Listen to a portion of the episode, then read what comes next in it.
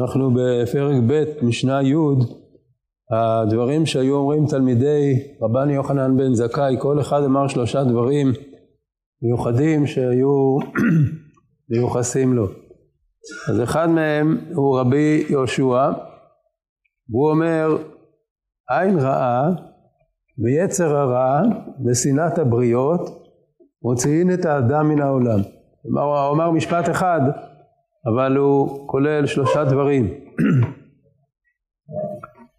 אומר הרמב"ם, בפירוש שלושת הדברים האלה, יאמר, חמדת הממון, זה, הוא מפרש את עין רעה. עין רעה הוא מפרש חמדת הממון, מיד אה, נגיד למה. ויצר הרע זה ורוב התאווה, ושנאת הבריות הוא מפרש ורוע הנפש, והוא חולי מרה שחורה, המביא את האדם למאוס ראיית בני מינו ולשונאם, ותארב לו הבדידות וההימצאות במדבריות ובבתות ובדרכים השוממות. זה נשמע קצת מוזר, הפירוש הזה לשנאת הבריות. אה, נתחיל מההתחלה, עין רעה, הוא אומר לכם דת הממון. למה? כי עין רעה זה ההפך מעין טובה. עין טובה זה מה שהיום קוראים ב, בלשון עממית לפרגן למישהו.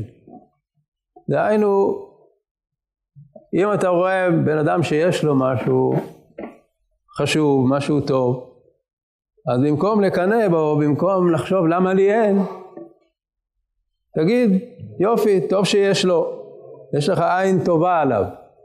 אתה מסתכל עליו בעין טובה. עין רעה, פירושו של דבר, קנאה. אדם רואה שיש לחברו איזה נכס או איזה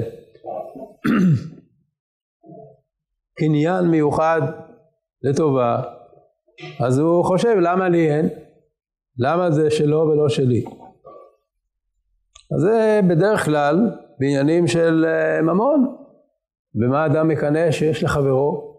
או שיש לו אוטו יפה, או שיש לו בית יפה, או שיש לו אישה יפה, גם כן יכול להיות. זה לא בדיוק ממון, אבל זה לחמוד, מה שהתורה קוראת לא תחמוד. לא תחמוד אשת רעך, לא תחמוד בית רעך, וכל אשר לרעך. אז זה הדבר שנקרא עין רעה. יצר הרע, רוב התאווה, זה ברור. יצר הרע בדרך כלל מתייחס לעניין של uh, הדברים האסורים, לא שהם נמצאים אצל מישהו אחר דווקא, אלא מה שהרמב"ם מגדיר בספר קדושה,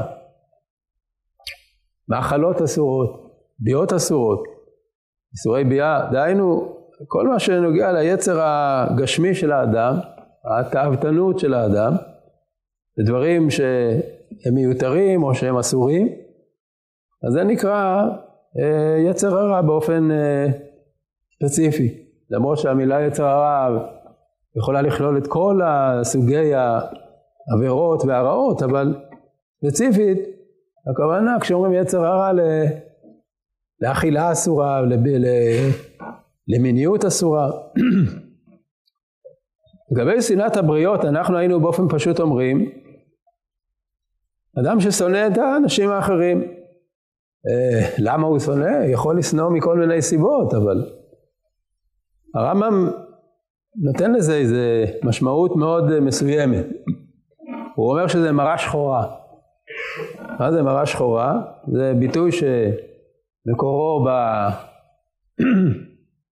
בפיזיולוגיה של ימי הביניים, שאמרו שיש בגוף כמה סוגי מרות,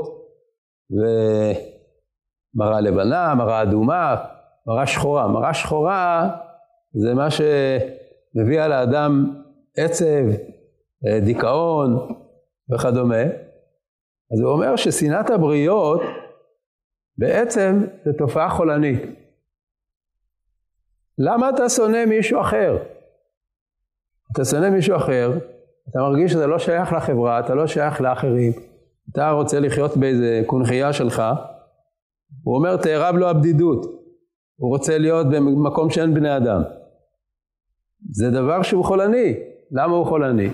כי האדם, ככה הרמב"ם מגדיר במורה נבוכים כמה פעמים, האדם הוא מדיני בטבע.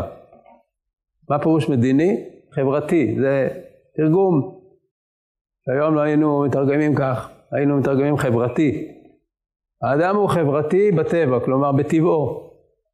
האדם הוא יצור חברתי לא רק מבחינת המוסר, מבחינת הערך המוסרי שאומרים לאדם, ואהבת לרעך כמוך. הוא אומר, לא, זה משהו טבעי.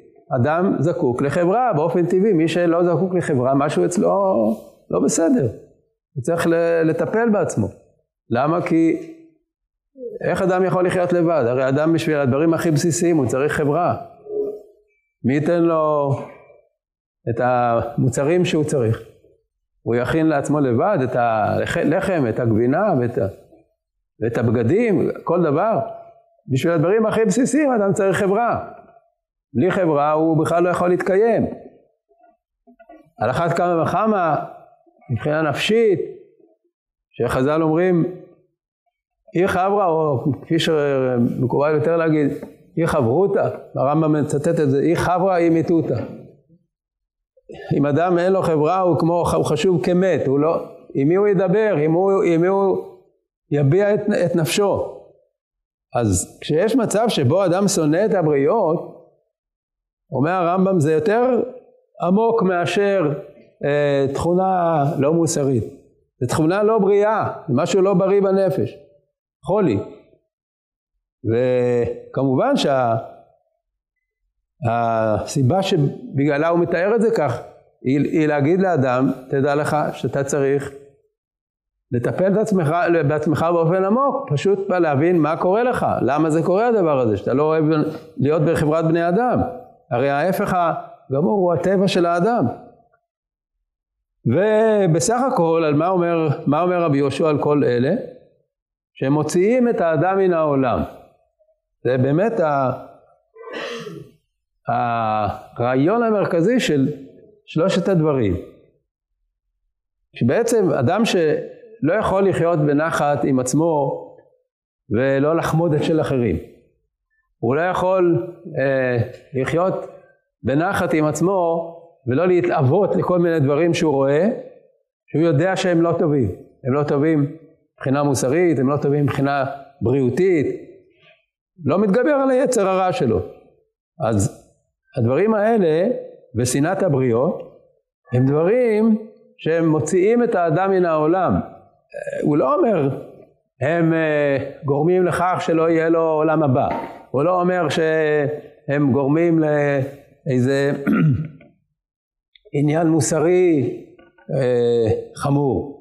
הוא אומר, זה, זה מוציא את האדם מן העולם, זה מוציא אותו מה, מהמציאות. המציאות, הבריאה של האדם, הנורמלית של האדם, היא שהוא יודע לחיות בתוך המציאות הסובבת אותו, בנחת, בלי קנאה, בלי יצרים שהוא לא יכול להתגבר עליהם, בלי שנאה לאחרים, אלא למצוא את המקום שלו בחברה, למצוא את המקום שלו בעולם. אם הוא לא יודע למצוא את המקום שלו בעולם בצורה כזאת שתהיה טובה לו וטובה לאחרים, אז זה מוציא אותו מן העולם, זה מוציא אותו מהחברה, זה הופך אותו ליצור שאין לו, לו מה לעשות בעולם הזה. או יותר נכון, חלילה יכול להפוך ליצור הרסני, כמו שאנחנו מכירים לצערנו ב, בימינו את, ה, את האנשים האלה, שבקושי אפשר לקרוא להם אנשים, שהתכלית שלהם היא לא לחיות, התכלית שלהם היא למות, להיות, אה, להיות אה, חללים, זה, זאת התכלית שלהם בעולם, שזה דבר שהוא ממש מראה את החולניות, את אי הנורמליות של אדם שלא מתנהג בצורה נכונה, לאן הוא יכול להגיע? שהוא מוציא את עצמו מן העולם, הוא לא, הוא לא יכול, אין לו מקום ב, לחיות בו בעולם. הרמב"ם מסיים, הרי אלו יאבדו את האדם בלא ספק. זה מין אה, צורת חיים, מנטליות כזאת שגורמת לאבדון, גורמת ל, ל, ל, לחוסר יכולת לחיות, לחוסר לחיות להימצא בתוך המציאות, בתוך העולם. זה הביטוי, מוציאים את האדם מן העולם. נמשיך גם במשנה הבאה, רבי יוסי אומר, הוא התלמיד השלישי שמובא פה, יהי ממון חברך, חביב עליך כשלך. עדכן עצמך ללמוד תורה, שאינה ירושה לך. וכל מעשיך יהיו לשם שמיים. אז רבי יוסי אומר שלושה דברים שונים. האחד, יהי ממון חברך חביב אליך כשלך, שזה דומה מאוד למה שאמר רבי אליעזר, יהי כבוד חברך חביב אליך כשלך. אבל מעניין שרבי יוסי מתרכז בעניין של ממון, כי אנחנו יודעים שיש הרבה אנשים ש... כשזה מגיע לממון, הם מאבדים את המידות הטובות שלהם. זה, אתם לא מכירים את זה בתור uh, בחורים צעירים, אבל כשבעזרת השם תהיו בעלי משפחות ותגורו באיזה שכונה, באיזה בניין משותף או משהו כזה, תראו שיש סכסוכים בין שכנים שלא הייתם מאמינים שאנשים יריבו ויסתכסכו על מה? על איזה זכות בחצי מטר או על איזה, איזה חצי חלון או חצי מרפסת או משהו שרבים על זה אנשים שהם כאילו אנשים טובים וישרים והכל טוב. כשזה מגיע לממון, הם uh, מאבדים את הראש שלהם. אז יהי ממון חברך, חביב אליך כשלך. אל תילחם על הממון, ת, תבין שגם לשני יש זכויות, גם לו לא יש רצון. זה דבר אחד. דבר שני, עדכן עצמך ללמוד תורה, שאינה ירושה לך. אתה יכול להיות בן של תלמיד חכם, ונכד של תלמיד חכם, אבל בשביל שאתה תהיה תלמיד חכם, זה לא יעבור לך בירושה לבד. תתקין את עצמך, תשקיע, תתאמץ, ואז, ואז תקנה את התורה. התורה לא באה בירושה, התורה דורשת עמל.